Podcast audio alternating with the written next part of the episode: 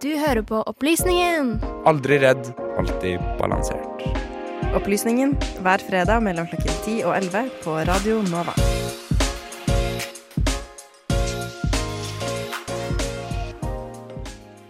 Tidligere denne uka avholdt Oceana, verdens største havvernorganisasjon, et pressemøte hvor vi i Opplysningen var til stede. I denne saken får vi høre hva leder for policyutvikling Jacqueline Savitz og utforsker og seniorrådgiver Alexandra Cousteau har å si om viktige tema som plast i havet og ungdomsengasjement knytta til klimaet. På tirsdag var vi i Radionova til stede på Oceanas pressefrokost i forkant av Our Ocean-konferansen. En internasjonal klimakonferanse om havene våre. Som i år arrangeres i Oslo. Her hører dere Jacqueline Savitz. Hun er policysjef i Oceana. said Oceana is an international ocean conservation organization. We are we have offices in 12 countries around the world, including four here in Europe. Um, and we are working to win um, strategic campaigns that will generate policy outcomes that will improve the oceans. It will bring back ocean abundance um, and prevent ocean pollution. Um, we are trying to save the oceans because we believe that doing so can help us to feed the world. Her forklarer hun om hva Oceanas rolle på Our Ocean-konferansen vil være. Oceana is a nonprofit organization or a non-governmental organization. So our role is to try to create the environment that's going to drive change, try to put pressure on governments, companies, um, to try to get them to make the changes that we know need to be made. Et tema som er viktig for Oceana, er plastikk i havene våre. As you know, we're being inundated by plastics. They're everywhere, right? And as Dustin mentioned, about 8 million metric tons a year of plastics are what's getting into our ocean. 8 million metric tons per year. Um, that's the equivalent of a dump truck of plastics getting into our oceans every minute. As we speak, that is happening. Yeah, I mean it's it's interesting because the as I mentioned, the amount of plastics we're producing is skyrocketing. We're expecting to see a quadrupling by 2050 the amount of plastics we're making. Of course, this is a material that once you make it, it's literally on the planet forever.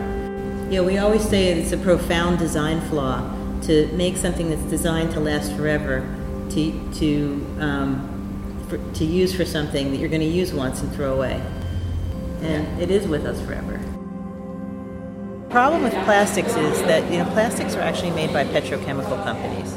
And petrochemical companies are looking at their future projections. And what are they seeing? They're seeing for the first time ever that their growth could be leveling off and maybe even declining because we're doing a good job of creating efficiencies electrifying our automobile fleets um, and they're thinking to themselves but wait we have all this petroleum. What can we do and that's why we're seeing this massive increase in plastic production is because they're looking for more stuff to make out of plastic on purpose because it's their only growth opportunity in the future. The amount of plastics we're producing, unfortunately right now, plastic production is on the increase. It's increasing exponentially. Um, and that is going to lead to an increase in the amount of plastics that are getting into our oceans because recycling simply cannot keep up. Um, and so 8 million metric tons is going to grow and potentially double by 2025. Um, and the beaches that are polluted now um, are actually going to look clean compared to the beaches in 2025 if we don't find a way to stop it.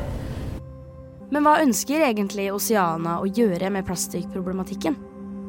And so, what Oceana wants to do is we want to try to get companies to stop creating so much plastics. You hear a lot about recycling, you'll hear a lot about circular economy at this conference, about how we can use plastics and reuse plastics. But the truth is, production is increasing so fast that those solutions are never going to keep up. And so, what we need to do is we need to turn off the tap. You hear the analogy if your bathtub is overflowing, what do you do? You don't just run for a mop. First, you have to turn off the tap. Then maybe the mop is going to work. Yeah, and I would add, um, and it's interesting because we don't encourage people to don't, just don't buy plastic because there's no way you can, whether you're a student or anybody, it's everywhere. Um, but what we are thinking about is how do we create spaces where that single-use plastic isn't welcome? And universities is one really good I- uh, opportunity. Is can you get your university to do a single use plastic food service, cafeteria, whatever? Um, if, if all the students around the world engaged in doing that, then the companies would be forced to provide single use plastic free stuff to the, to the food services. So we want to create places where companies can't sell single-use plastic. So maybe a university um, food service uh, system, a university cafeteria that says we're not going to have single-use plastics anymore, and then the companies have to provide you their services in a different way, right? They have to give you new delivery methods. For instance, instead of bottles of soda um, or pop, what do you call it here? Yeah, like yeah, soda. instead of bottles of soda, um, you um, have a fountain dispenser and you have a reusable cup. Her hører vi Alexandra snakke om viktigheten om engasjement i miljøsaken, og spesielt blant ungdom. you know, the your voice matters, and you know, there's there's a way to shape the conversation that young people are doing and continue to do and should do more of. Um, that when we look at Greta and what she's she's accomplished, and there's young activists like her all over the world, and it's only growing. And so I think that ta- holding people and governments and companies accountable through social media and hashtags and you know TikTok and Instagram and all these things is really important. The other thing is show up to vote. Right? We've seen a lot of things happen in the world in the past few years that none of us really, I think, wanted to have happen because young people weren't voting. And, and I think young people are realizing the power that they have and that they are going to inherit this planet, and what is happening now will have a profound impact on the quality of their life later on. Vi spurte henne hva hun syns om Greta Thunberg og all hetsen hun utsettes for.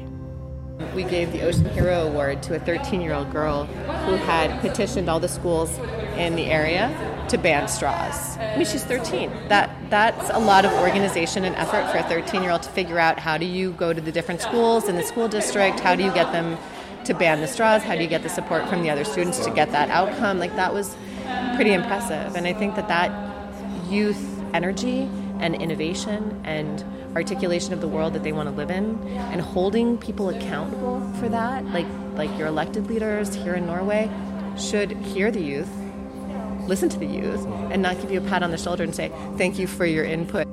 I don't know Greta and I can't speak for her even though I admire her and, and I'm so glad that she's doing what she's doing and she's inspiring so many young people to go out on Fridays and to really get involved in their communities and there's all these cli- young like youth climate justice activists out in the world thanks to her because of her example. She's incredible does it have it co- its costs yes is everybody going to be as famous as her no so i think most people can can rest easy that the climate activism they're going to do is not going to come with like death threats and the rest of it